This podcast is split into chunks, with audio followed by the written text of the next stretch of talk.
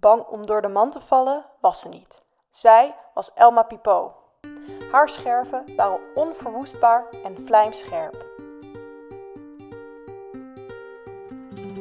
Dag luisteraars, je staat op het punt te gaan luisteren naar Elma, een feuilleton van de Sla. Vier schrijvers werkten samen aan dit verhaal over Elma Pipo, auteur van een everseller genaamd Gelukkige Scherven, Liefde na de breuk. Haar uitspraken circuleren als inspirational quotes, ze geeft succesvolle TED-talks en zelfs Netflix wil iets van haar. Maar wat heeft Elma te verbergen? Aflevering 1. Geschreven door Ninja Weijers en ingesproken door Tietje Hogendoorn. Het geheim van Elma Pipo.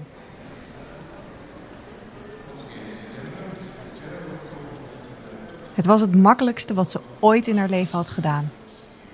Was zo makkelijk dat ze zich afvroeg waarom ze het zichzelf in de 40 jaar daarvoor zo moeilijk had gemaakt. Dit zou ze nooit hardop toegeven, al helemaal niet publiekelijk. Een van de pijlers van haar succes was nu juist dat het haar niet was komen aanwaaien, maar een optelsom van hard werken en wat ze zelf in een TED-talk eens hard leven had genoemd. Ze was geen goede luisteraar, daar had ze het geduld niet voor. Nooit voor gehad. Misschien was dat het grootste geheim van het vak. Luisteren was nauwelijks nodig. Je keek naar iemands houding, kleding, schoeisel, kapsel.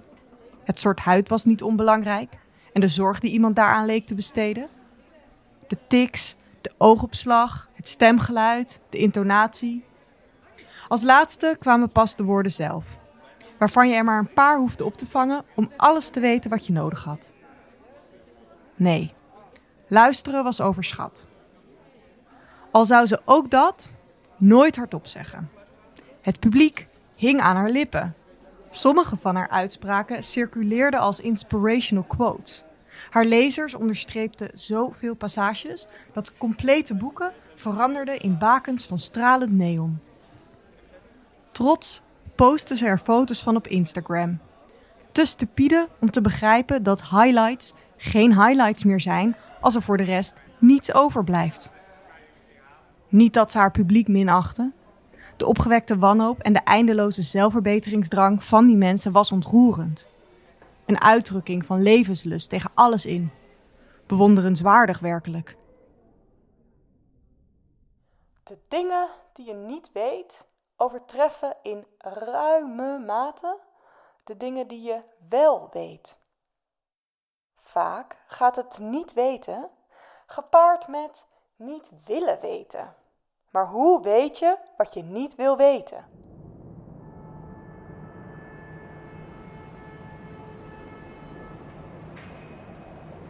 Het was een cliché van je welste.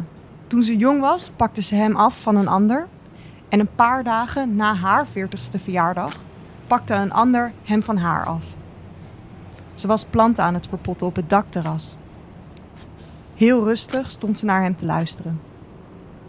In haar ene hand een schep, in de andere een olijfboom met kluit en al.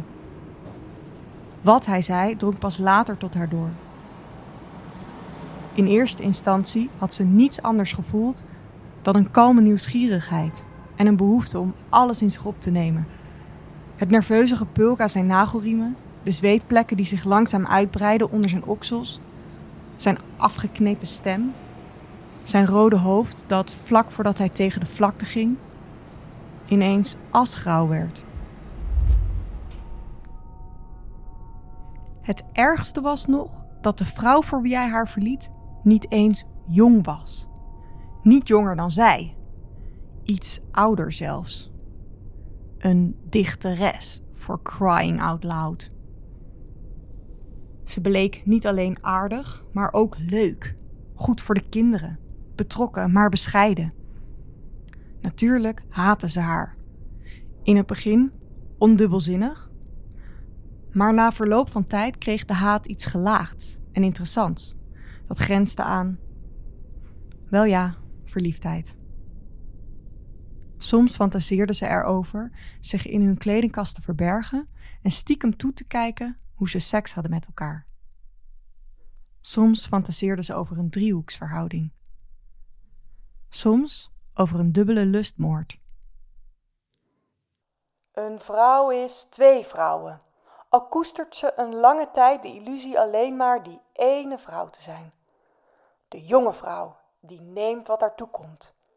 Niet uit egoïsme, maar omdat dit nou eenmaal zo is. De vrouwen die achterblijven zijn andere vrouwen, wier levens zich afspelen op een heel andere lengte en breedtegraad. Zich voortbewegen in een rechte lijn die de rechte lijn van de jonge vrouwen nooit zal kruisen.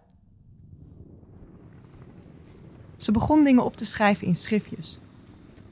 Gedachten die bij haar opkwamen als ze onder de douche stond, baantjes trok of de afwas deed. Altijd iets met water. Aangeschoten had ze een vriendin voorgelezen uit een van die schriftjes, die haar al even aangeschoten aanmoedigde haar tekst op Facebook te plaatsen. Het was een onverwacht succes. Niet alleen werden haar berichten gretig gedeeld, ze begon ook mails te ontvangen van geïnteresseerde uitgevers. Ze nam een sabbatical bij het coachingsbureau waar ze toen nog werkzaam was. Het eerste halfjaar las ze zich in. De laatste drie maanden schreef ze in kortsachtige roes de eerste versie van wat haar bestseller, haar everseller, Gelukkige scherven, liefde na de breuk, zou worden. Daarop volgden televisieoptredens en de theatertour, de online masterclasses en de podcastserie.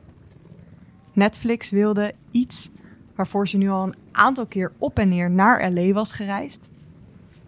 Het was wonderlijk hoe snel je echt niet meer met goed fatsoen economy kon reizen. Bang om door de mand te vallen was ze niet. Haar mand was stevig. Zo stevig dat ze haar eigen onophoudelijke gepraat over de fundamentele breekbaarheid van het bestaan niet op zichzelf van toepassing achtte. Zij was Elma Pipo. Haar scherven waren onverwoestbaar en vlijmscherp.